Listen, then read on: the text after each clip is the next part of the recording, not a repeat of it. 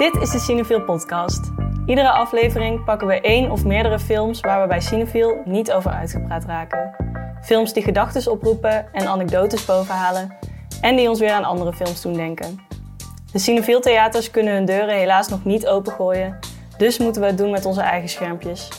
In onze thuisbioscoop Vitamine Cinefiel vind je nu meer dan 200 titels die je stuk voor stuk meenemen naar een wereld buiten je eigen woon- of slaapkamer. De drie films die we vandaag bespreken trekken je mee de zweterige dansvloer op. Suspiria en Climax uit 2018 en Emma uit 2019. De personages dansen met zichzelf, met hun liefjes en met hun demonen. Ze steken heilige huisjes in de fik en dagen je uit ze te haten, terwijl ze hun lichamen in de meest onmogelijke bochten wringen. In Suspiria is dat op een behekste balletschool in een verdeeld Berlijn. In Climax tijdens een uit de hand gelopen afterparty net buiten Parijs. En in Emma op de basketbalveldjes en hoge daken van Valparaiso. Alle drie hebben ze hun eigen recalcitrante choreo, waarin de grens tussen een betoverende kunstvorm en een bezeten lichaam steeds meer vervaagt. Wat gaat er schuil achter die moves? En waarom voelt een sprookjesachtig ballet soms als een perverse nachtmerrie? Ik ben Jente Buskus en met mij op de videolijn zitten mijn collega's Svien Veldman en Lauren Murphy. Welkom. Hallo. Hallo. We gaan het vandaag hebben over drie dansfilms. En uh, we kunnen nu even niet de echte dansvloer op, maar wordt er bij jullie thuis nog een beetje gedanst? Ja. Al is het voor de spiegel. Ja. Nee, er wordt zeker wel gedanst ja, bij ons uh, thuis. Er staat ook een spiegel in de woonkamer, dus dat is perfect. Dus dan heb je en woonkamerdansen en spiegeldansen tegelijkertijd. Maar dansen we uh, ook samen ja. voor de spiegel? Um, ja. dat is echt chill. En willen jullie dan ook zo'n bepaalde moves voor de, even... voor de spiegel hangen? nee, helaas. Nee, dat niet. Om je pliés te oefenen.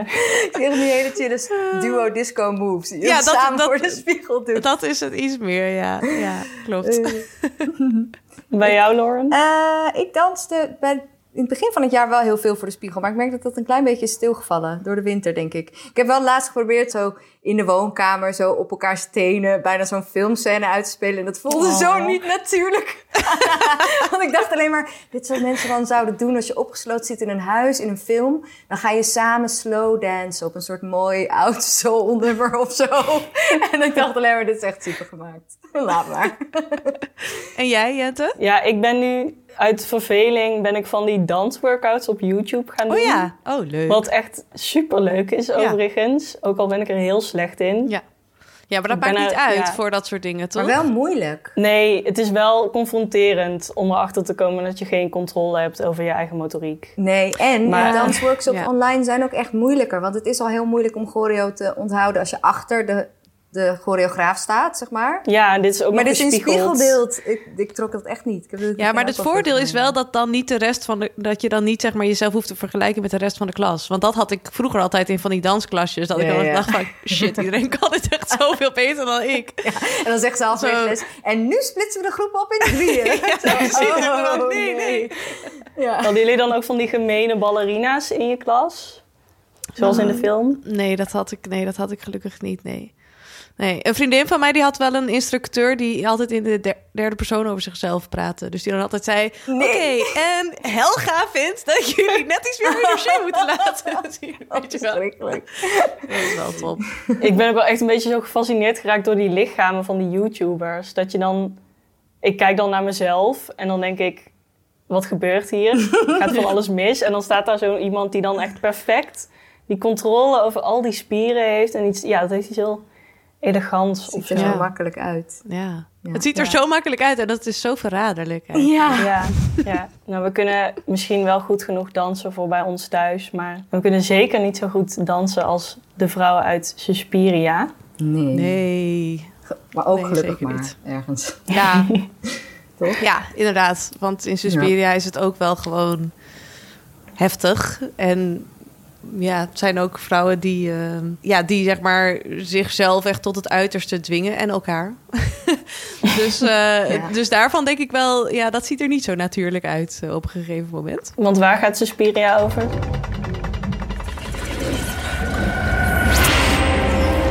Fremadus, pre-god, pre-devil, maso tenebrarum, maso lacrimarum, and Mother Suspiriorum. Darkness, tears, and sighs.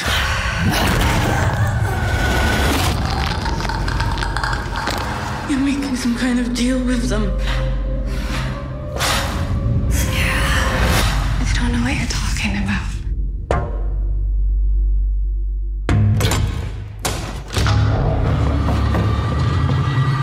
Ja, Suspiria is een film uit eh, 2018, eh, gemaakt door Luca Guadagnino. En dat is een remake van een ja, horrorklassieker met dezelfde titel van Dario Argento uit 1977. En die, ja, die oude versie eigenlijk, eh, die, die werd destijds ook aangekondigd als the most frightening film you'll ever see. En heeft echt een top trailer, waar ik eigenlijk graag een, een stukje uit wilde luisteren. Roses are red, violets are blue. But the iris is the flower that will mean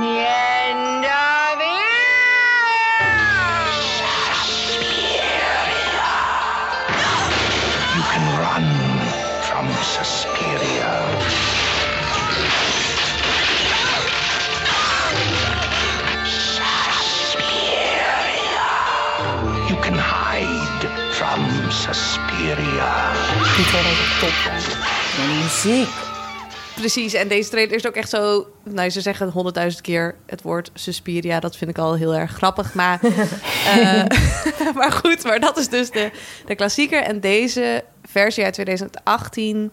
Nou ja, ik zei dat het een soort remake was. Ook omdat... ehm, die is toch wel echt heel anders. Eh, en deze, deze film gaat veel meer eh, over dans. Dus die, die eerdere versie, ja, die was echt wel gewoon horror, eng. Ja, speelde zich toevallig wel af, weet je wel, op een eh, balletschool. Maar dat was echt gewoon een soort van plot device. Terwijl dans in deze versie van Suspiria wel echt heel erg centraal staat. En ja, het gaat dus over een meisje, Susie, gespeeld door Dakota Johnson. Met overigens echt heel lang haar, wat sowieso al best wel creepy is. Ik weet niet of jullie dat ook vinden, maar als Ja, mensen heel ik heb, lang daar, ik heb hebben, daar ook een fascinatie heeft dat iets heel creepy's.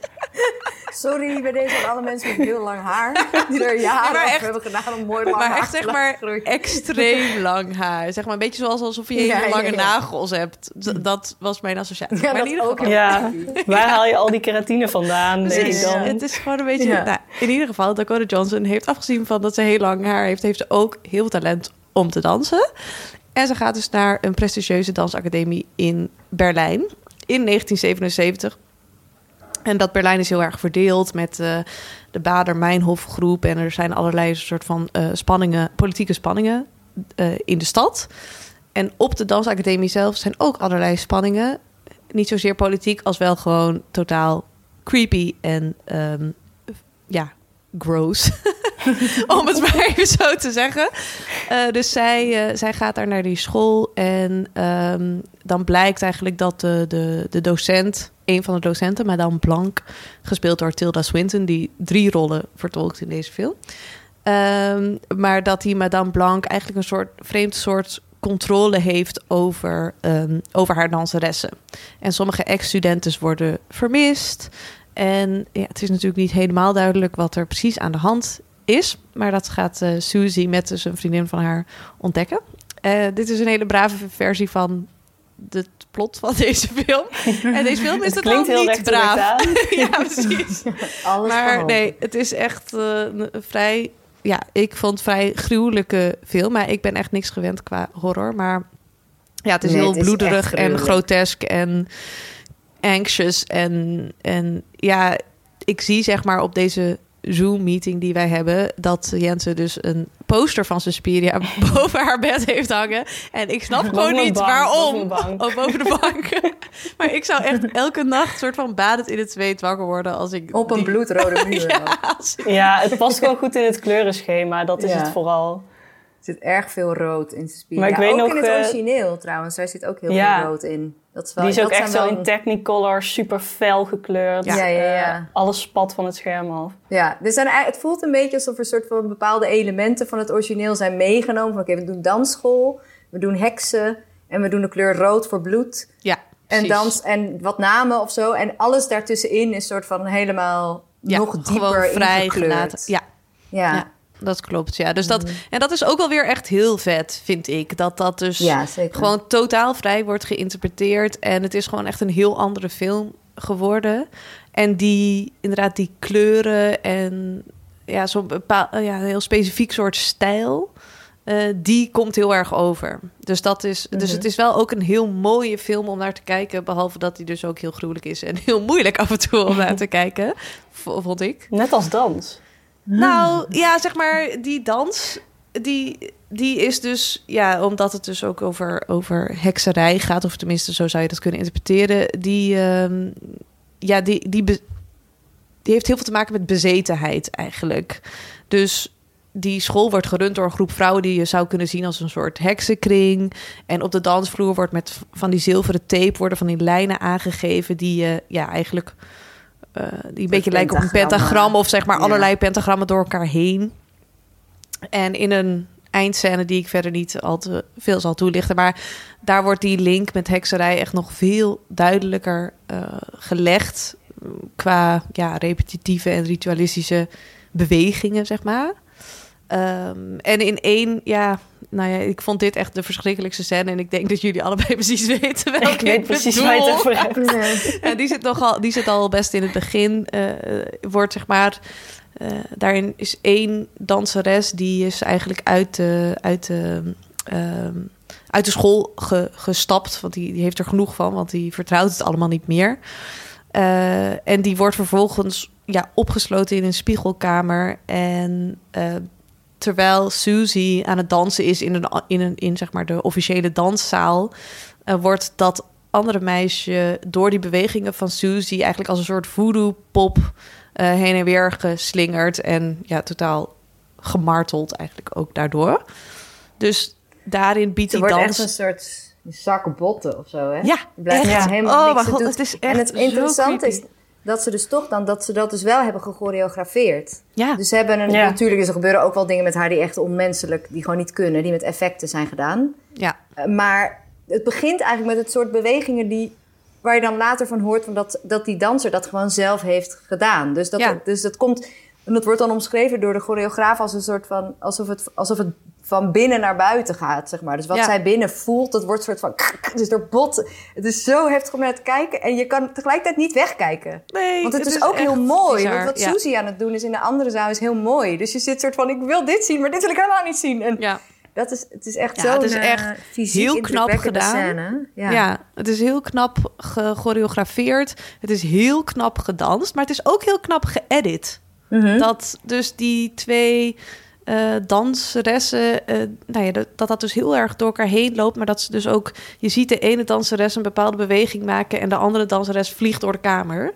Mhm. Eh, dus die, ja, die edit, zeg maar, om eventjes de mensen achter de schermen ook wat credits te geven. dat is gewoon zo goed gedaan. Dat, dat vond ik echt heel bijzonder.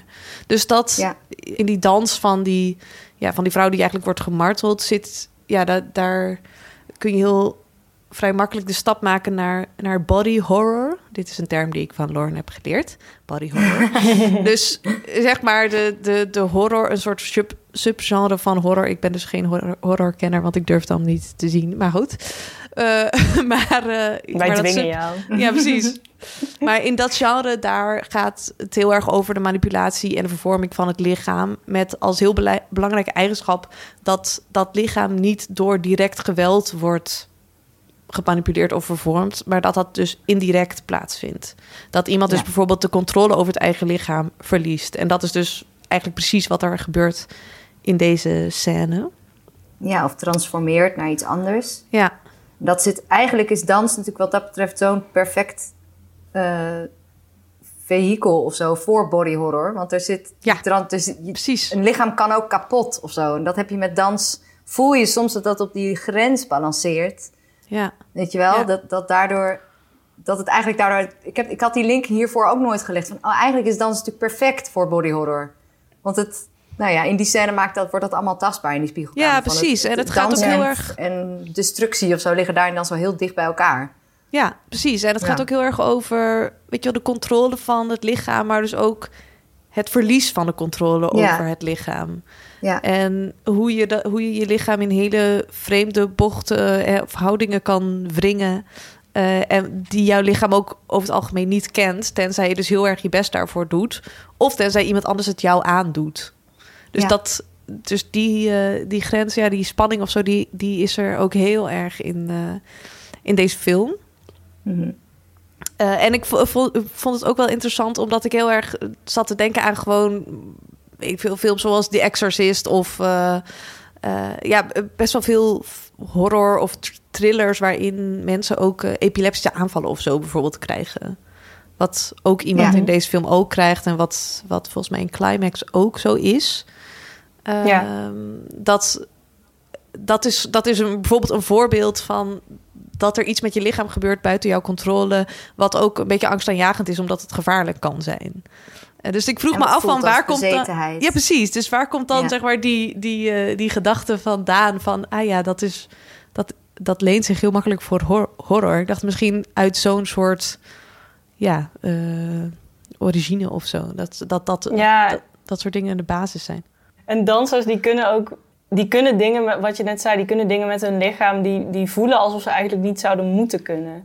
Dus die, eigenlijk die ultieme controle over je lichaam zit zo dicht bij het volledig verliezen van controle over je lichaam, dat het altijd bijna een soort van spannend is om naar te kijken. Ja, Ja. Van, gaat dit goed of niet? Ja. Kan dit wel? Ja. Is dit de bedoeling? ja Dat- want, ik word daar zelf altijd heel naar van.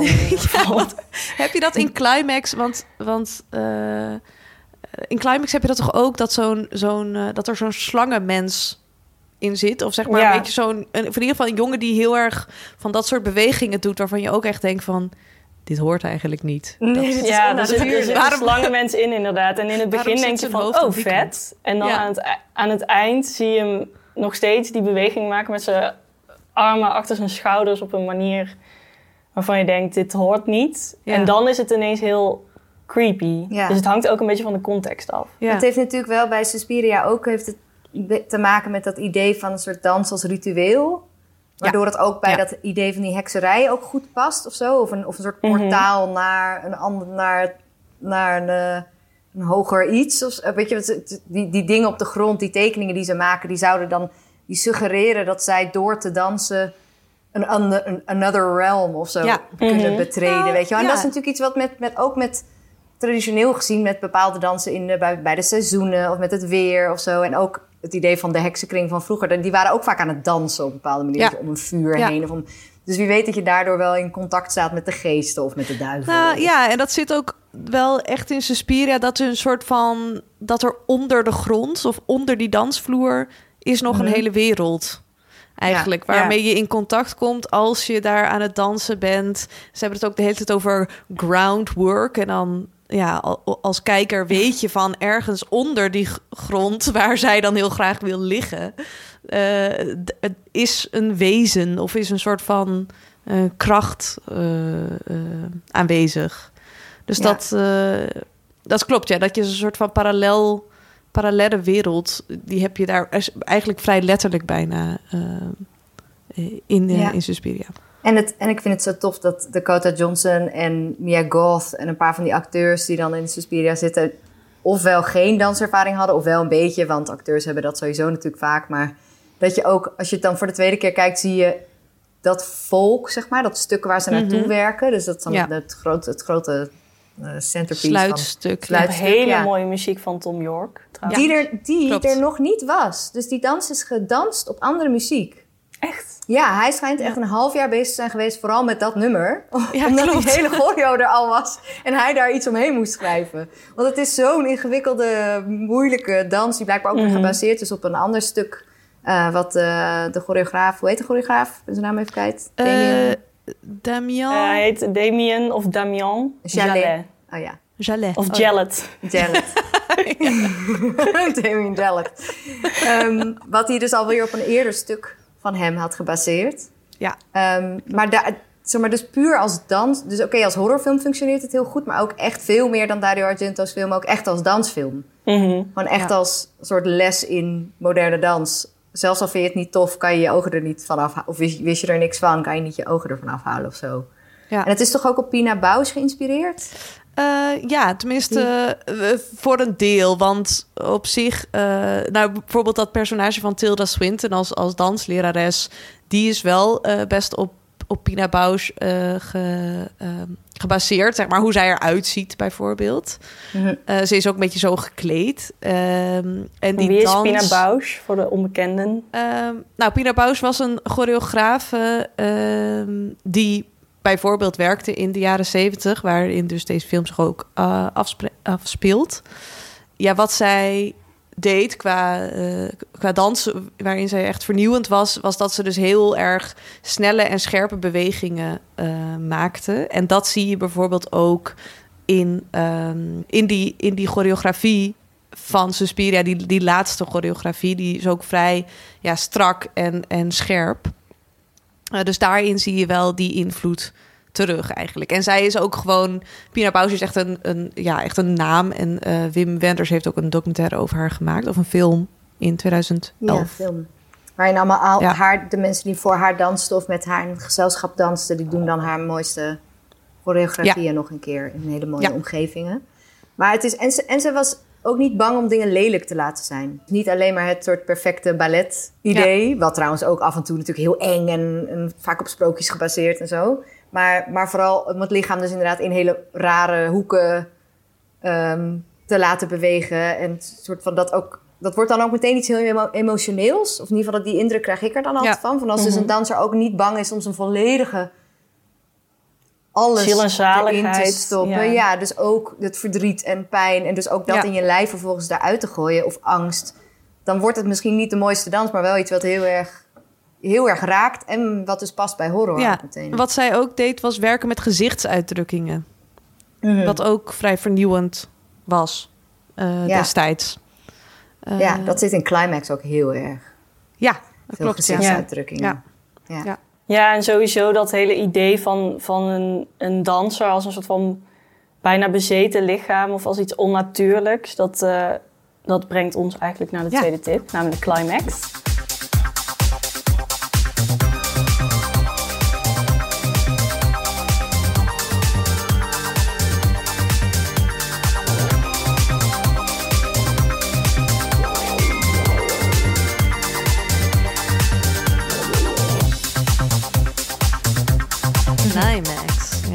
Climax is een film uit eh, 2018 ook van Gaspar Noé.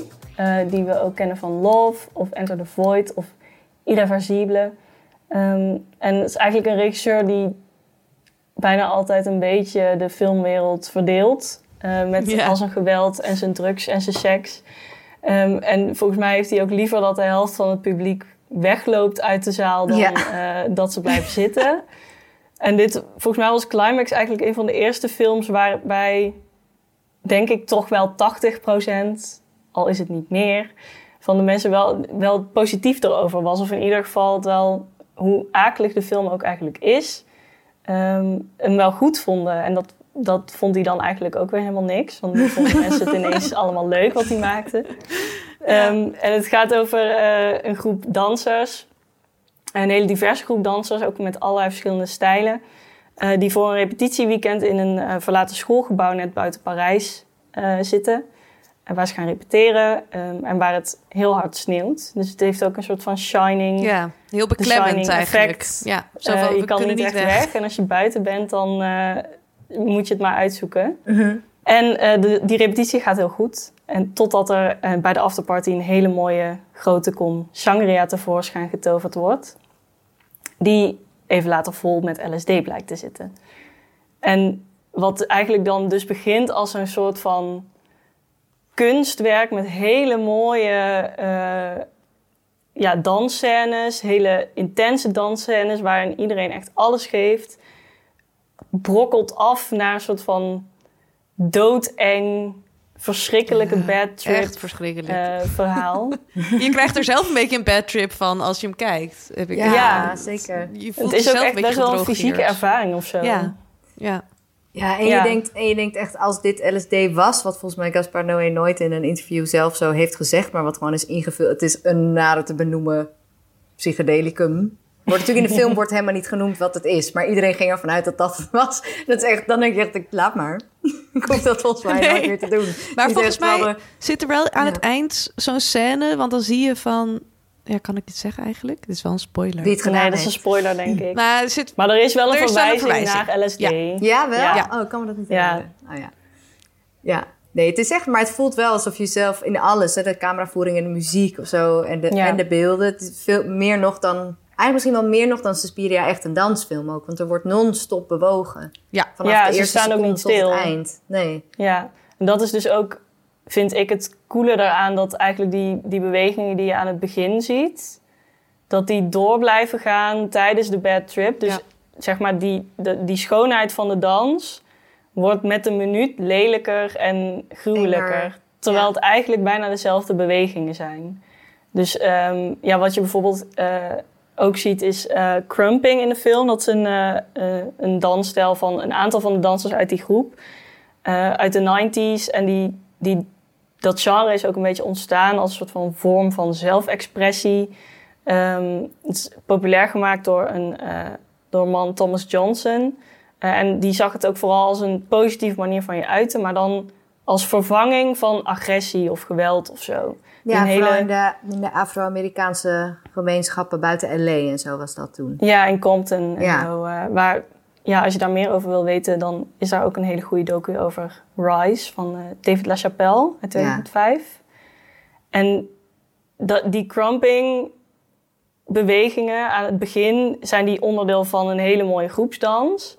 En dan naarmate de film vordert, zie je diezelfde dansers eigenlijk met elkaar vechten gewoon. Maar dan lijkt het alsof ze eigenlijk dezelfde choreo uitvoeren. Alleen dit Ah, keer dan ja. Oh, vet. Oh, dat was me helemaal niet met opgevallen. kwade zin. Ja, cool. Of ja, voor mij voelde dat in ieder Ja. geval zo. Ik weet niet Ja. of het echt zo is hoor. Maar het- daar, dat vind ik ook waarin die twee films heel erg op elkaar lijken, Climax en Suspiria. Dat ze zo naadloos eigenlijk van, van schoonheid naar lelijkheid Ja. overgaan. Ja, Ja. klopt, ja. Ja, En, en, eh, en Gaspar Noé maar het steekt ook niet zijn invloeden onder stoelen of banken wat dat betreft. Er zit een openingsscène in Climax. Ja. Dat soort auditie doen. Ja. Dan zie je allemaal videobanden op de achtergrond. En dan staat ook het origineel van Suspiria Ja, en Possession. onder. Dus die, ja. die link is in Possession. Ja, precies. Ja. Dus dat inderdaad het bezeten raken door... Ik vond het ergens bijna jammer dat er dan een druk in het spel is of zo. Ik snap dat, je, dat hij dat nodig heeft om even die link... om dat, om dat eh, te versnellen. Maar ik dacht tegelijkertijd ook van... eigenlijk zou je, om, die, om te zeggen... dans kan ook een, possession, een vorm van possession zijn... zou je dat niet nodig hebben of zo. ja, ja. Ja, Ehm, maar ja, hij heeft ook thematisch een beetje gehint in interviews dat het eerder een soort rampenverhaal is dan een, dan een horror of een, eh, of een dansfilm of een soort van ehm, ja, public service announcement over drugs. Ja. kids. nee, dat zou Gaspar Noé ook nooit doen. Nee. Nee, maar dat was Maar wel eerder, een eh, beetje het ja. effect ervan, moet ik eerlijk zeggen. Ja. Toen ik Klopt, hem keek, ja. dacht ik wel van... Hoewel, ik moet wel zeggen dat nu ik een jaar lang niet meer ben uit geweest, ik er bijna zin in ging krijgen door Ja. Climax. Ja. Dat is best wel erg. Maar hij heeft, hij heeft zelf ook gezegd van ja, al die, eh, eh, die tapes die dus aan het begin van de film in beeld zijn, die natuurlijk super eh, intellectueel eruit zien ook, die stapel dvd's. Ja. Ehm, die, die zijn eigenlijk misschien nog wel minder van invloed op deze film geweest dan rampenfilms zoals The Towering Inferno of zo. Ja. Ehm, dat is een, eh, een film uit de jaren zeventig over een, eh, een kantoorpand, geloof ik, dat helemaal instort. Of, eh, Oh, oké. en en dat, dat zie je eigenlijk ook wel. Als je het weet dan, en je gaat erop letten, dan voel je die sfeer ook wel. Want er wordt echt iets opgebouwd wat vervolgens helemaal instort. Ja. Ja. Het is dat een zit beetje hem een ook soort in van... de choreo, toch? In de choreografie of zo. Maar dat ze in het begin Ja. soort van... Om, wat je zegt, van, om, er zit crumping in, hip-hop, voging, allemaal verschillende stijlen. En die worden dan... We hebben trouwens een podcast hierover opgenomen... voor wie het leuk vindt om iets meer, nog meer de diepte over in te gaan. Nummer één. Ooit. De aller, allereerste. Ja, Maar dat ze, dat ze eh, de choreograaf, Nina McNeely, die heeft uitgelegd dat ze het ook heel moeilijk vond om hun eigenlijk samen te brengen, die groep. Omdat ze allemaal zulke eigen stijlen hadden. Mhm. Maar dat ze ze toen maar heeft laten lopen. Een beetje zoals een, eh, een soul train of zo, zeg maar. Weet je, camera in het midden en dan ze één voor één hun ruimte geven om naar de camera toe te lopen. En daardoor lijkt het toch één geheel heel erg in het begin. Ja, klopt. die one take van 20 minuten of zo in het begin. En daarna valt het inderdaad letterlijk uit elkaar. Hun gemeenschap ook. Of Ja. zo. Of hun, de manier waarop ze met elkaar omgaan. Ze gaan allemaal in een soort bubbeltje zitten. En gaan dan ook veel meer hun eigen stijlen nog Ja, laten zien. en ze gaan heel erg roddelen over elkaar. Aan de, aan de rand van de dansvloer, zeg maar. Het is een beetje als het verhaal van de, van de toren van Babel. Oh ja. Over, uit, uit de Bijbel. Ik weet het nog van, eh, van mijn eh, protestants-christelijke basisschool. en dat, dat, dat gaat dan over een groep mensen die samen die toren van Babel bouwen. En dan denkt God van, oh wacht. Zij kunnen hele gave dingen. Ze kunnen een toren bouwen zo hoog als de hemels. En ze komen me nu iets te dichtbij. En dan eh, zorgt God ervoor dat ze ineens allemaal een andere taal spreken. Mhm. En dan breekt een soort van mayhem uit. En dat, dat is in, in Climax dan eigenlijk Ja, een beetje dans. de choreografie. Ja, ja. Want in het begin dansen ze allemaal vogers, crumpers, eh, dat, die slangenmens, eh, de hiphoppers, die dansen allemaal samen alsof ze nooit iets anders gedaan hebben. Ehm, en het, het vloeit ook best wel samen, ook al zie je wel dat het echt iets anders is. En dan zodra die LSD inkikt, valt alles uit elkaar. Ze luisteren niet meer naar elkaar, wat je zegt. Ze, ze gaan over elkaar roddelen van... Oh, hij is moslim en hij drinkt niet. Dus hij zal wel de LSD in de sangria gedaan hebben. Terwijl niemand dat eigenlijk echt weet. Ja. Mhm. En iedereen zit heel erg in zijn eigen wereldje. En aan het eind zie je ook iedereen een beetje afzonderlijk van elkaar op verschillende plekken op die dansvloer. Een beetje zo beduust Ja. bewegen in hun eigen stijl. Ja. En dan loopt dat slangenmens ineens voorbij. En eh, zie je weer iemand iets heel engs doen met zijn handen. Dus op een gegeven moment ook iemand aan het plassen. Ja, Ja. mij op de iemand dansvloer. de ook een beetje op, op in Suspiria zit natuurlijk ook van dat, die momenten dat letterlijk alles eruit gegooid wordt Mhm. of zo. Weet je, dat alle lichaamsfuncties ook Gewoon klaar samenhangen zijn. met dat dansen of zo. Ja. Ja. Wat letterlijk een body horror wordt. Nou, en ook dat is ook een soort, soort van verlies van controle of zo. Dat dat meisje gewoon op de dansvloer. eh ik wel, Ja. eh, dat, eh, dat denk ik wel dat dat, dat, dat, ja, dat dat daar ook wel mee te maken Het heeft natuurlijk ook met drugs te maken, maar het heeft ook met een soort van in hoeverre heb je controle over je eigen lichaam. Als danser Ja. natuurlijk heel veel. Eh, maar dan maar goed, met drugs heb je dat natuurlijk ook niet. Dus wat dat betreft is Ja. het wel weer een goede connectie. Ja. Dat je inderdaad ook daar je lichaamsfuncties niet meer doen wat je, wat je bedoelt. Ja. Ja. Ik heb toen bij eh, toen Climax op IFFR eh draaide, twee jaar geleden, toen was Nina McNeely, die choreograaf, die was er en die gaf een workshop. Ehm, en dat was zo moeilijk. Wat voor, wat voor workshop was dat dan? Echt een Nou, dansworkshop? een dansworkshop. Ja. Een echte dansworkshop. Gewoon in, in, de, Cool. in de doelen. Ja. Ja, was wel heel cool. Ik dacht, ook, ja, ze gaan meedoen. Maar het was echt... Want zij, maakt, zij heeft dus ook dat met hele kleine bewegingen. En het ziet er super simpel uit. En het was... Zelfs het nummer snapte ik niet. Ik dacht alleen maar, je- hè, deze beat is niet... Ik wilde vier, vijf, wil zes, gewoon- zeven. Yes, go. Weet je, dat werkt helemaal niet zo. Je zou, op een gegeven moment gingen dus die dansers ook deels meedoen uit de film. Want die waren er. Oh, cool. En toen merkte je echt een soort schifting van de mensen die het meteen oppikten. Die gingen steeds meer vooraan staan. En ik, en volgens mij Erik was er ook bij. Echt een beetje weer zo, oké, maar achter. Terwijl je denkt dat je best wel wat kan of zo. Het Beetje zoals ik me voel tijdens die YouTube-workouts. Ja, het was wel heel leuk.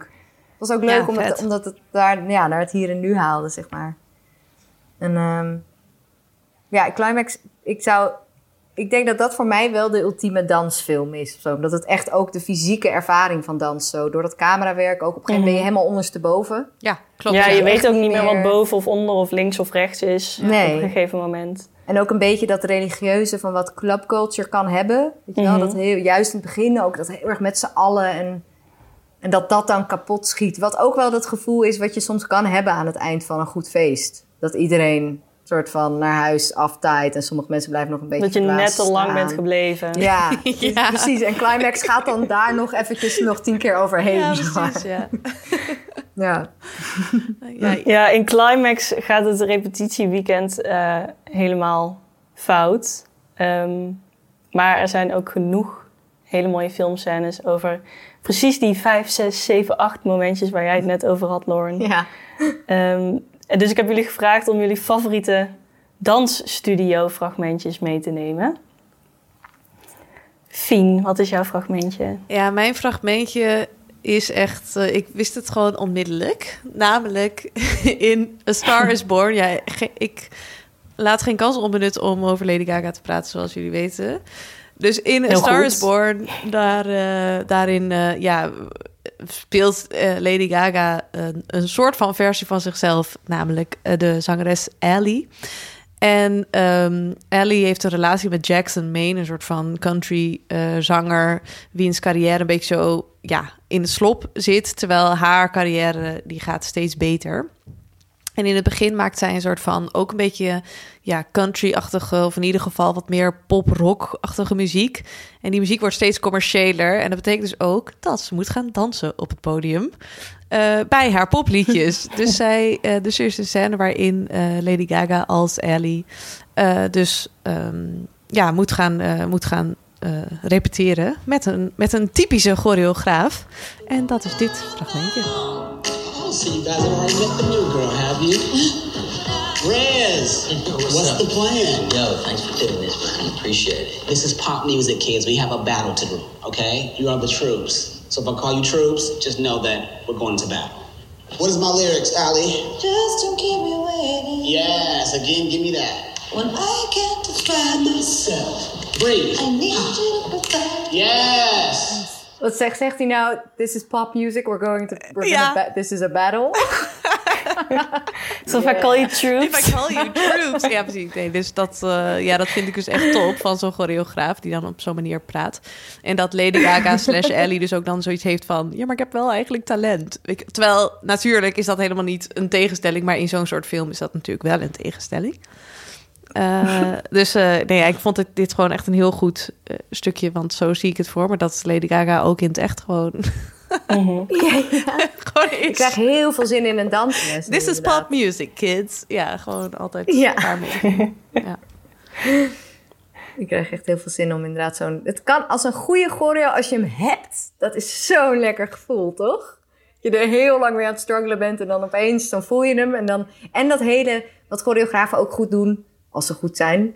Of dans, dansleraars, leraren, is het gewoon zeggen... Het maakt echt niet uit of je het lelijk doet of niet. Ja. Doe het gewoon met overtuiging. En dat is dan altijd aan het eind van zo'n les van... Oké, geef nu nog even je alles. En dan denk je, inderdaad, fuck it. Ik heb geen enkele van deze pasjes, maar ik ga lachen. Ik ga smijzen naar de spiegel. Ik zit er helemaal in. dat is ook wat je thuis natuurlijk Ja, je spiegel doet, precies. Dat is het leuke. Zo van met Ja. overtuiging slecht dansen. Weet je wel, zo van, het maakt niet Ja. uit. Maar eh, Ja. Ja, dat is wel echt heerlijk. Maar en wat zijn jullie Nou, speaking of eh, slecht dansen. Ja. ik, heb, eh, ik moest ook meteen ergens aan denken, namelijk aan de Full Monty. oh ja, Ehm, top. Classic. Dat is een, eh, echt een classic, ja. Ik heb hem ook al heel lang niet gezien, uit 1997 maar liefst. Oh, wauw. Van Pieter Cataneo, een regisseur waar je daarna heel lang niks van hebt gehoord. Behalve dat hij vorig jaar ook de Singing Club heeft gemaakt. die Oh, op Vitamine ja. Cineville staat. Die ik niet heb Ah. gezien, maar volgens mij ook lekker feel good is. Ja. Het leuke aan de Full Monty is alleen dat het niet alleen feel good is. Het gaat ook wel, het heeft echt een heel mooi hart. Ja, Of zo. En het is leuk geacteerd en het gewoon huilen. Het gaat over eh, staalwerkers in Sheffield. In Engeland die hun baan kwijtraken. En dan besluiten ze om een, eh, een striptease act te gaan doen. Omdat de Chippendales zijn langs geweest in, eh, in Sheffield. En al hun vrouwen zijn natuurlijk helemaal daarvan onder de indruk. En deze pensionado's denken of nou ja, nu dus mijn baan kwijt. Die wat oudere mannen. Er zitten ook wel wat jongeren tussen, maar... In ieder geval, die denken van nee, oké, ten eerste moet ik, moet ik nu ook laten zien dat ik weer sexy ben. En ik moet, die Chippendales hebben superveel geld verdiend. Dus we gaan ook een show opzetten. Ja. Een soort van liefdadigheidsshow. dus dan gaan ze, gaan ze audities doen en een team samenstellen. En eh, dat is gewoon allemaal zo schattig. En eh, op een gegeven moment, gaat het, bij de eindshow is het wel precies wat we net omschreven. Van gewoon lekker ervoor gaan en plezier erin hebben. Maar de weg daar naartoe is echt rough. Eh, en dit is een fragmentje dat ze voor het eerst gaan, eh, gaan oefenen. En er is duidelijk ook één, één iemand die dan de leiding neemt. die probeert de rest mee te krijgen. Laten we even kijken. The wing. One,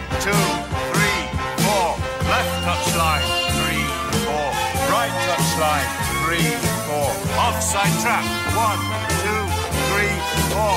Now the bell. Three. Now the two. Three. Four. Now the sock. Four. Carry on.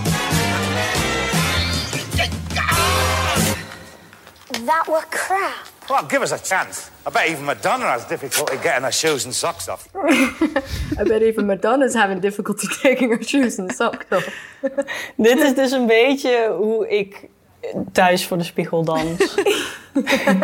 Strip, stripteases in je woonkamer inderdaad helemaal verstrikt raken in je eigen kleren. Schoenveters gewoon. Ja. Dit is wel wat ik altijd denk dat ik, als ik zou strippen, dat het er zo uit zou zien. Zeg Ja. maar, Dat je gewoon jezelf zo moeilijk serieus zou kunnen nemen. Oké. Nou, dan ga ik ook maar met mijn schoenen zwaaien, weet ik veel. Ja, nee, het is gewoon zo aandoenlijk. Ook dat ze zo struikelen over hun schoenen, dat is ook zo herkenbaar. Als je snel je schoenen aan wilt trekken, dat Ja, uit, het lukt nooit. ook nooit. Nee. Dus, Ik heb een iets eh, luguberder fragmentje meegenomen. Namelijk uit Black Swan van eh. Darren Aronofsky uit 2010. Ehm, ook echt een klassieke dansrepetitiescène als je het mij vraagt. Eh, het gaat over eh, Nina, gespeeld door Natalie Portman. Eh, en zij ehm, is ballerina. En ze wordt eh, gevraagd voor haar, eh, ja, hoe noem je dat, gezelschap... om eh, zowel de witte als de zwarte zwaan in het Zwanenmeer te spelen. En die witte zwaan die heeft ze eigenlijk al wel onder de knie... want ze is echt een super perfecte prima ballerina eigenlijk. Maar de meer verleidelijke, mysterieuze zwarte zwaan... die moet nog ergens uit de krochten van haar ziel komen... En ehm, ja, in dit fragmentje eh, is ze dus aan het repeteren met haar eh, choreograaf Thomas. Gespeeld door. Vincent Cassel. Echt zo'n de meest typische, typische choreograaf die je maar kan voorstellen. Een soort van gemene Fransman die eh, net iets te dicht bij de danseressen komt elke keer als hij zijn instructies geeft. En ja, ze heeft er een beetje moeite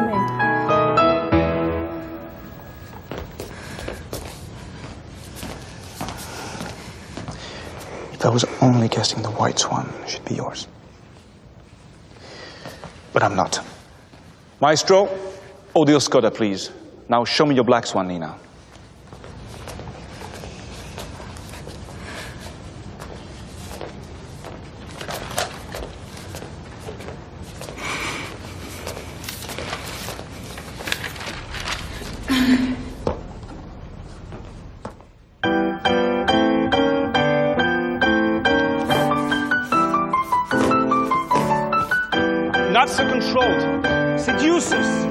Not just the prince, but the court, the audience, the entire world.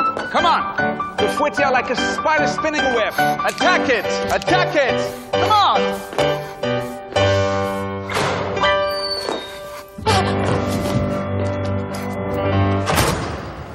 Heftig, hè? Ja, echt Het heftig. is een beetje Ja. de... Dit is een beetje de letterlijke horror. Of zo. Van niet, niet de, de symbolische horror, die komt later in de film ook nog. Maar gewoon de horror van het balletdansen, die het ook Ja. kan zijn. De, de- het moet zoveel pijn Ja. doen en zo ook. En om ook zo diep te gaan in je, in je psyche elke keer. Voor zo'n rol. Vermoeiend. Wel heftig. Ja, en je ziet ook, ja, dat hoor je natuurlijk niet in de podcast, maar ehm, we zullen het fragmentje ook wel in de show notes zetten. Je ziet ook de camera echt zo ronddraaien terwijl zij de pirouettes doet. Mhm. En dan, als je dat op een groot scherm ziet, dan word je ook meteen helemaal duizelig. Ja. Het is Ja, het trouwens gejat ook van eh, uit The Red Shoes uit Oh 1948. ja, dat is zo'n klassieke... Ook een hele goeie. Wat, wat voor film is dat? dat is De eerste ballethorrorfilm Ja. waarschijnlijk, toch? Ja, eigenlijk wel. Ja. Het gaat over, over de rode schoentjes. En dat is eigenlijk een beetje hetzelfde idee als Black Swan. Dat het verhaal van, de, van het ballet ook een beetje doorcijpelt in het leven van de ballerina en het, eh, eh, en het gezelschap en zo. Ah, oké, ja. Die zichzelf ook kapot danst. Letterlijk. Ja, het zit ook in Girl uit 2018 van Lucas Dont. Gewoon dat hele, weet je, die voeten die dan helemaal bebloed zijn en helemaal verschrikkelijk. kapot van de tape en zo. Ja, echt eh, heftig. ja, dat gaat ook gewoon best Ja, ver. maar het is natuurlijk ook gewoon topsport op een manier. Ja. Ja, en dat ademen. Ik, dacht- ik dacht van, je hoort ook heel vaak bij, bij, en ook in deze scène zit het ook wel dat, en in Suspiria zit dat Ja, heel erg. nou, dat toch? heet ook is bijna in de Suspiria. muziek ook. ja, ja, Ja, dat echt, klopt. he- echt ook heel eng. Ja. ja. Ja. Maar daar gaat het ook. Ja. Ja. dat is ook een soort van recurring eh, motief eigenlijk van, van die, die ademhaling. En Ja. ja, dat heet ook een soort van. Zij wordt ook een soort van Lady of Sighs, is het toch? Mother Suspiriorum. Die, eh, Ja. die heet eigenlijk in het Engels dan de Lady of Sighs. Lady of Sighs. Ja, ja, ja. Ja. Heeft Je inderdaad hebt iets nu heel op TikTok engs. ook een, eh, een challenge met size met honden. Even iets heel anders. Oh, vertel ons meer. Ja, dat, het is volgens mij Making Gasp, the Dog Gasp Challenge. En dan moet je zo doen waar je hond bij is. En die honden gaan dan of gewoon je aankijken als je helemaal gek bent en weglopen. Of je probeert het te redden omdat ze denken dat je stikt. Het is eigenlijk heel zielig. Oh Dat is niet ja, uitgeprobeerd. heel erg emotionele mani- manipulatie van je hond. echt sad.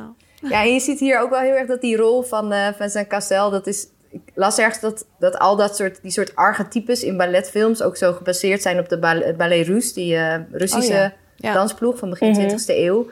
Waar ook dan inderdaad, weet je, de leider was ook een beetje zo'n figuur. En die had dan ook een relatie met een van de dansers. Dat Hij lijkt ook, Oh, Vincent Cassel of lijkt ook heel erg op, eh, op de choreograaf uit The Red Shoes. Gewoon zijn gezicht Ja. lijkt er heel erg op. Ja, grappig is dat.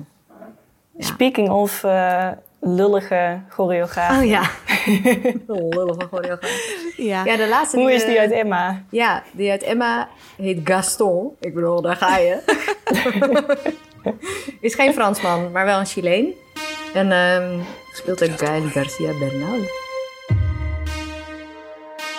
Así que es tu culpa, Gastón. Si mi cuerpo es real, mi lengua es real. Es tu culpa que no hayamos podido soportarlo. Quemó la cara hermana. Y es tu culpa que a mí me duela todo el cuerpo. Yo no bebo ni. Y es tu culpa que la gente nos mire en la calle como si hubiéramos asfixiado a un perro con una bolsa de plástico. Vamos a estar bien tú y yo, ¿no? Estamos bien. ¿Sí? Sí, estamos bien. No necesitamos nada. La No. gente nos quiere. Sí. Eh, en Emma is een film van, uit 2019.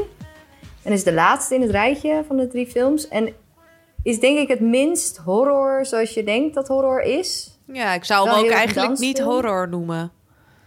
Nee, Meer maar een soort psychologische thriller of zo. Ja. Nou ja, weet ik eigenlijk Ja. niet eens. Ook niet eens. Ook wel drama. Ja. Ook wel ook drama, wel ook wel, gelachen. gewoon een halve videoclip of zo. Super cool. Ja, het is wel echt een vette film. Ehm, het is ook gewoon een portret van een jonge vrouw. En haar relatie dus met deze Gaston. Zij heet Emma en zij heeft een relatie met haar choreograaf ook. Gaston en zij hebben samen een kind geadopteerd. En daar is iets misgegaan. Het kind eh, vertoonde probleemgedrag en daarom hebben ze hem naar een weeshuis gebracht. Of eigenlijk een soort van teruggebracht. En die film begint op het moment dat hij al weg is, dat kind. En dat hun relatie eigenlijk op springen staat. Ze moeten wel samen nog een voorstelling maken. Ja, ze moeten dus loskomen van elkaar. Emma moet haar in het reinen komen, ook met haar soort de moedergevoelens die ze had voor de jongen en hoe ze dat heeft aangepakt. Die relatie speelt mee op de achtergrond en ze, ze neemt zich op een gegeven moment voor: ik ga die jongen terugkrijgen. En dan gaat ze alles op alles Ja. zetten om dat voor elkaar te En dan maakt krijgen. ze alles kapot. Ehm, maakt ze alles kapot, precies. Dus die destructie, die ik zat net te denken van oké, dus als. Suspiria is een soort destructie van het lichaam letterlijk of zo zit een scène in. En ook destructie misschien van bepaalde maatschappelijke normen en waarden. En dan heb je climax soort destructie van dat groepsgevoel wat zij met z'n allen hebben. En dit is meer destructie van iedereen Ja. om haar heen. Alles. En alle heilige huisjes. Ja. En, eh, en eh, het gezin als de hoeksteen van de samenleving. En, ehm, dus zij is meer... Ze is gewoon zo'n confronterend personage. Dat is zo interessant aan haar of zo. Ze stelt iedereen gewoon van die vragen. Dat je denkt, nou, ik zou zelf ook niet echt weten hoe ik daarmee, wat ik daarmee aan moest. Maar eigenlijk uiteindelijk trekt ze ook iedereen uit hun schuld Ja. of zo. Weet je, zorgt er ook voor dat iedereen inderdaad dat juk waar ze in zitten destruct of loslaat. En een heel andere kant van Ja, zichzelf klopt. leren kennen. Ze zorgt voor een soort Eh, dus- openheid of zo. Die er eerst Ja. eh, in het begin van de film is, die Ja. niet en aan het eind wel. Wat echt heel opvallend is, omdat je ook denkt van ja, maar alles wat zij heeft gedaan had net zo goed echt totaal mis kunnen gaan. En dan was het gewoon helemaal shit geweest. Maar het werkt. Ja. Ik En daar vond het wel alles eerst in de hands. Ja. Dus zowel haar relatie als ook wel, ik bedoel, ze, ze wint iedereen om de vinger. En ze speelt ook echt wel met iedereen's emoties. En ze heeft ook de hele tijd letterlijk een vlammenwerper.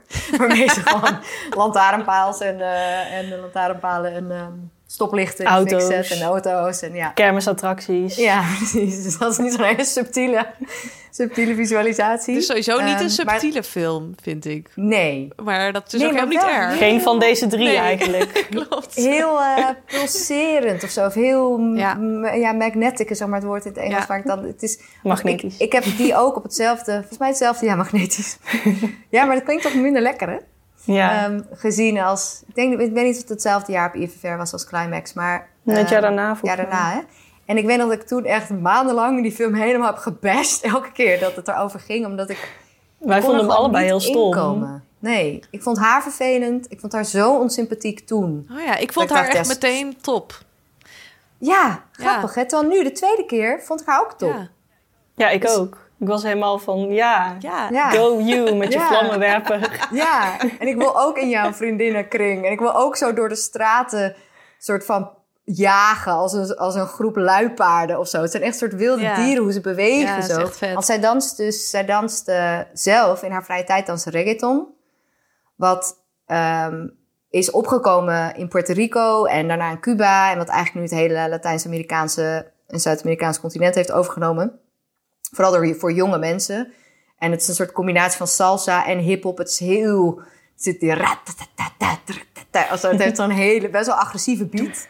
En dat is ook een beetje de associatie. Ja, de, de associatie die mensen daarmee hebben. Dat zit in deze film ook heel erg. Van het, dat, het, dat het straatmuziek Ja, is. dat het ordinair is. En dat ordinair het dus is geen en echte dans is. En et cetera. Nee. Ja, dus... En, eh, Dat vrouwen vindt Gaston ook allemaal. Ja, Gaston. Ja, dat typisch. zegt hij op een gegeven moment ook. Precies. Gaston is inderdaad echt zo'n moderne choreograaf. Meer zoals waar in Suspiria op voort wordt gebouwd. En hij vindt inderdaad dat Emma daarvoor kiest... omdat met haar vriendinnen in haar vrije tijd... vindt hij gewoon ordinair. En, en ze laat zich gebruiken. En het, terwijl Ja. eigenlijk is het natuurlijk een soort van reclaiming...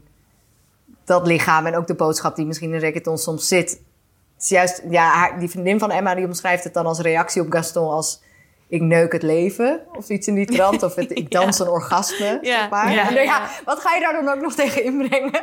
Ja, en ze gaat er ook nog heel erg op door. Zo van, ja, jij staat hier nu op de aarde omdat iemand ooit Een orgasme heel heeft geil was. Ja. Ja, precies. Wat ik Dus zo ik vet dans vond. nu een orgasme en wat is daar dan mis mee? Of Ja. zo. Waar Ja, ze ook gewoon ja, gelijk in Dat is echt heeft. cool.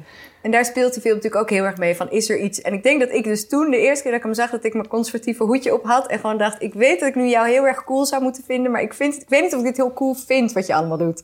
En nu dacht ik alleen maar, ja, ik vind het super cool. Dus het is iets, denk ik ook in je soort van de stemming waar je zelf in zit. Je kan heel veel in die film, uit die film meenemen.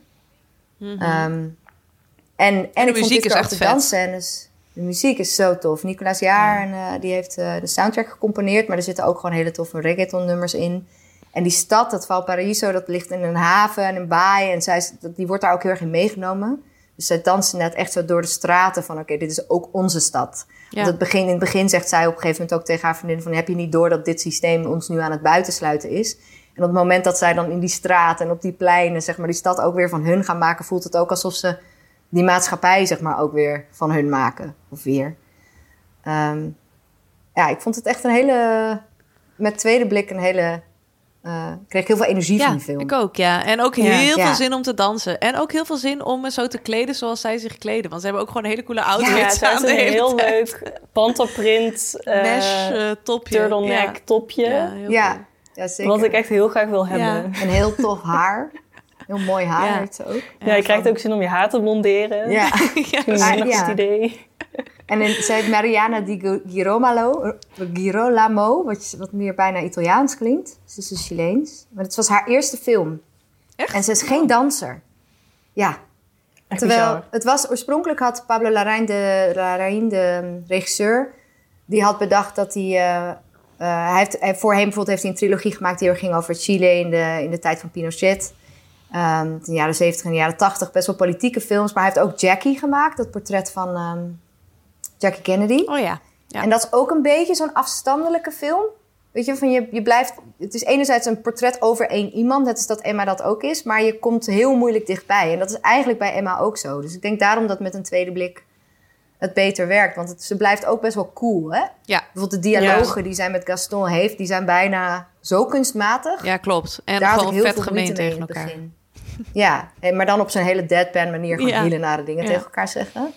Eh, maar hij had dus eerst bedacht, ik wil een verhaal over dus adoptie. En over hoe dat dan ook mis kan gaan. En dat, daar had hij eigenlijk een oudere vrouw voor in zijn hoofd. Maar toen kwam hij haar tegen. En heeft hij, doordat hij haar had gecast, moest er in zijn hoofd een danser worden. En toen werd het van hem veel meer, voor hem veel meer een portret ook over een generatie. En ook een soort onderzoeksding voor hem. Van zij zijn jonger dan ik. Hoe bewegen ze zich? Waar zijn ze mee bezig? Hoe gaan ze met liefde en seks om? Ehm, dus, dat, dus dat had een heel andere film kunnen worden Oh ja. in het begin. Want, want omdat hij dus zo vanuit haar personage heel erg bezig ging met die soort vrijheid en seksuele expressie en haar lichaam, werd het, moest het een danser zijn. Want voor Emma is dat gewoon haar freedom, is dans. Veel meer dan in die andere twee films, denk ik. Ja. Dat is waar het voor Ja. staat. Of zo. Je merkt ook van ze heeft op een bepaald moment dat ze in haar eentje danst en staat ze aan de haven. En dan lijkt het bijna alsof ze een soort van dikke middelvinger geeft naar die stad toe. Ja. Zo, dan staat ze gewoon in haar eentje zo. eh, eh. maar tegelijkertijd komt als ze connectie zoekt, dan is ze veel meer met die vriendinnen in één soort van fluïde beweging. Zijn ze dan één. Dus het gaat ook heel erg over haar persoonlijke ontwikkeling die zich uit in hoe ze zich beweegt. Ja. Ja, ja ik vond het echt heel tof. Ja, ik dat is wil echt hem eigenlijk vet nog een keer gedaan. gaan Ja, ik ook. ja. Op groot scherm. Een hele soundtrack AUB. op repeat. Ja. Ja. Ja. Ik vind het ook wel vet dat, dat zij eigenlijk... Bij, zij wekt een soort van, ook een soort van aversie op met, met wat ze kan. Zij kan heel goed die reggaeton dansen. En dat vindt Gaston, maar dat andere mensen vinden daar allemaal iets van. Ja, Zo van omdat het ook obscene is, of, of ze, vinden het, Ja. ze vinden het ongepast of zo. Omdat het iets heel seksueels niet hebben heeft. of zo. Ja. Ja. Ja, en, en dat, dat vind ik eigenlijk lijkt een beetje op dat gevoel wat ik dan heb als ik bijvoorbeeld naar Climax of Suspiria kijk. Dat ik denk, jij doet nu iets met je lichaam wat ten eerste ik niet kan en dat vind ik stom. Ja. en ten tweede wat er echt uitziet alsof het niet zou moeten kunnen en dat vind ik eng. Ja. En dat, dat, is, dat doet, op, omdat het zo'n fysiek iets is waar je naar zit te kijken, zowel bij Emma als bij Suspiria als bij Climax, wekt het ook een heel lichamelijke reactie of Ja. zo Mhm. op als je daarnaar kijkt. Ja, dat klopt. Ja, Al had ik bij Emma vooral de lichamelijke reactie van zin om te dansen. Terwijl ik bij die andere twee films dacht ik meer van... Ah, een soort van... Ik moet me verschuilen in een, in een hoekje Ja. onder deken. In een dekentje. Ja, van Emma kreeg ik inderdaad ook zin om te dansen en zin om te zoenen. Ja, precies. Gewoon zo, ja. Ja, ja. maar het is, het is sowieso de dansfilm inderdaad. Merkte ik ook wel van met dat thuiskijken, van dat doet het ook gewoon echt heel goed op een groot scherm. Ja, Met die Klopt, muziek, die ook muziek goed zo. hard Ja, en- precies. Ja. Echt uit goede Ja. boksen en zo. Dus daar heb ik echt heel veel zin in om Ja. in de bioscoop weer zo'n film en dan daarna naar een goede afterparty te gaan die bij de film Ja, past. precies. En dan op reggaeton te dansen de hele avond. Zoeken jullie het nu ook een beetje op? Want ik heb het idee dat mensen nu of geen films willen zien waarin feestjes zijn, want dat vinden ze dan helemaal niet chill of zo. Van, oh, hoezo komen al deze mensen zo dicht bij elkaar op mijn scherm? en je krijgt er FOMO van. Ja. Of dat mensen juist heel erg, juist dat soort films gaan kijken als een soort van tweedehands ervaring. In plaats van dat je echt Nou, ik had wel nu bij Emma dacht ik wel echt van, oh, ik wil dit, ik wil meer van dit. Zo, weet je wel, die, dat dansen en dat je gewoon zelf zin krijgt om te dansen. Het is ook gewoon vrolijk maken. Ja, terwijl Emma is best wel een dramatische film, maar ik vond het wel echt vrolijkmakend. Vooral door die muziek Ja. eigenlijk. Ehm, Ja. En door dat kleurgebruik en ja, dat, het heeft gewoon echt hele mooie. eh, het is gewoon visueel ook heel mooi. Dus ja, ik, krijg wel de ook als een soort toekomst. Bijna meer als een science fiction dan als een Ja, horrorfilm soms. ja. Dat komt ook door dat haar van haar. Ja, maar daarom ziet het er een beetje uit als een soort Android-achtig. Ja, klopt. Ja. Inderdaad, met er ook de, af en toe die snedes van de dingen die ze aan heeft. En ook de samenstelling van haar vrienden. Net, weet je, een vriendin die van haar heeft dan zo'n zo'n super vette koep met geschoren aan één kant. En een soort van allemaal hele hypermoderne kapsels Ja, ook. klopt, en, ja. en natuurlijk die totale eh, neersabeling van, van het klassieke gezin of zo. Het eindigt Ja. toch met de ultieme nuclear family. Ja, dat juist vond ik dit keer zo te gek. ja. Ja, ja. Of nee, nee, juist met de, met de ultieme modern Ja, precies. Ja. Ja. Nee, maar daarin, ja, om, om even weer terug te komen op je vraag, Jente. Daarvan denk ik wel van ja, ik krijg juist zin om dat soort dingen meer te zien. Om wat meer, weet je wel, vrolijkheid, eh, feesten, gewoon eh, juist die dingen die daarvan denk ik, oh, die zoek ik nu wel wat meer op, ja. Ja. En, En Climax. zonder LSD. Precies. Ja, of met. Ik bedoel, Climax is ook... Climax is zo'n fysieke ervaring... dat je misschien het echt wel als, subs, als surrogaat voor een club... eh, voor een clubnacht gone wrong kan inzetten. Ja, ik had dat dit keer wel echt. Ik had echt bijna, terwijl ik dat eigenlijk het meest verschrikkelijke gevoel in de wereld vind, bijna FOMO naar. Een bad trip. Dat, nee, niet een bad trip, maar, maar naar dat gevoel van: oké, ik ben nu echt te lang gebleven. Ja. En iedereen Oh, hier ja. is, vind ik stom Ja. en ik wil naar huis. Ja. Maar ik kan niet naar huis, want ik ben hier alleen. Ja. En, En van Ja. Suspiria kreeg ik echt heel veel zin, vooral van die laatste scène, als ze dan volk echt gaan tonen. Zeg maar, ik ben helemaal niet zo'n enorme theaterfan. Maar de paar keer dat ik dan, bijvoorbeeld een vriendin van mij, die is heel erg, echt heel erg met dans bezig. En die neemt me dan af en toe mee naar een voorstelling. En de, paar goede dansvoorstellingen die ik heb gezien zijn zo indrukwekkend geweest. En dat kreeg ik bij Suspiria. Kreeg ik heel veel zin om weer Oh in ja, zo'n zaal te naar zitten en naar te zo'n groep te Ja, kijken. ja, en te ja. denken? En gewoon te zien hoe, hoe knap dat is dat mensen dat kunnen. Ja. Gewoon Ja. live voor jou op een podium. Ja, echt super Ja, vet. en dat vond ik dus ook wel echt mooi weergegeven in Suspiria. Van die kwam heel dichtbij, Ja. die echte ervaring Ja. van in zo'n theater zitten. Dat toen als ze volk eh, Ja, dat klopt. Ja, op, gaan, op gaan voeren. ja dat is ook echt Ja. een hele mooie scène is dat. Nou, hopelijk snel weer naar de club.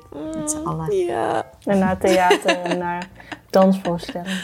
alles. Dank jullie wel. Ja, jij ook. ze alle Ja. drie zien. Dat was hem weer, de Cinefiel Thuisblijf podcast. Je kunt Suspiria, Climax en Emma nu allemaal kijken op vitamine.cinefiel.nl.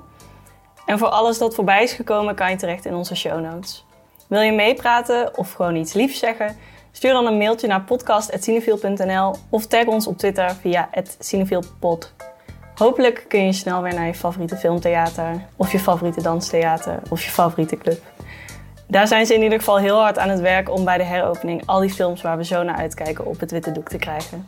Tot die tijd steun je ze enorm door je Cinefil abonnement door te laten lopen.